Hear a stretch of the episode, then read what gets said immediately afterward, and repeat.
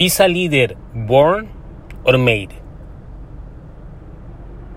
This question has been for a long time, and we have discussed whether the leader is born or made.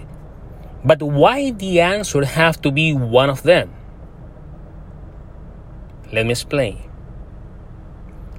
We cannot deny there are people that they have it in their DNA. They have in their own genetics. There are people that are more prone to build relationships. There are people that are natural communicators. There are people that know how to direct people, how to make decisions easily. There are people that leading comes naturally to them. We cannot deny that fact.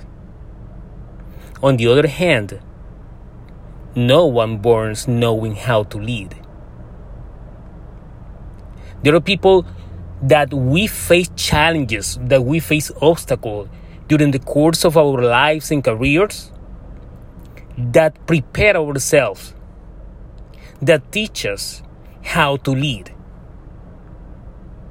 There are times in our lives, whether our personal lives or professional lives, that we experience moments, key moments in our lives, where we step up and we become the leaders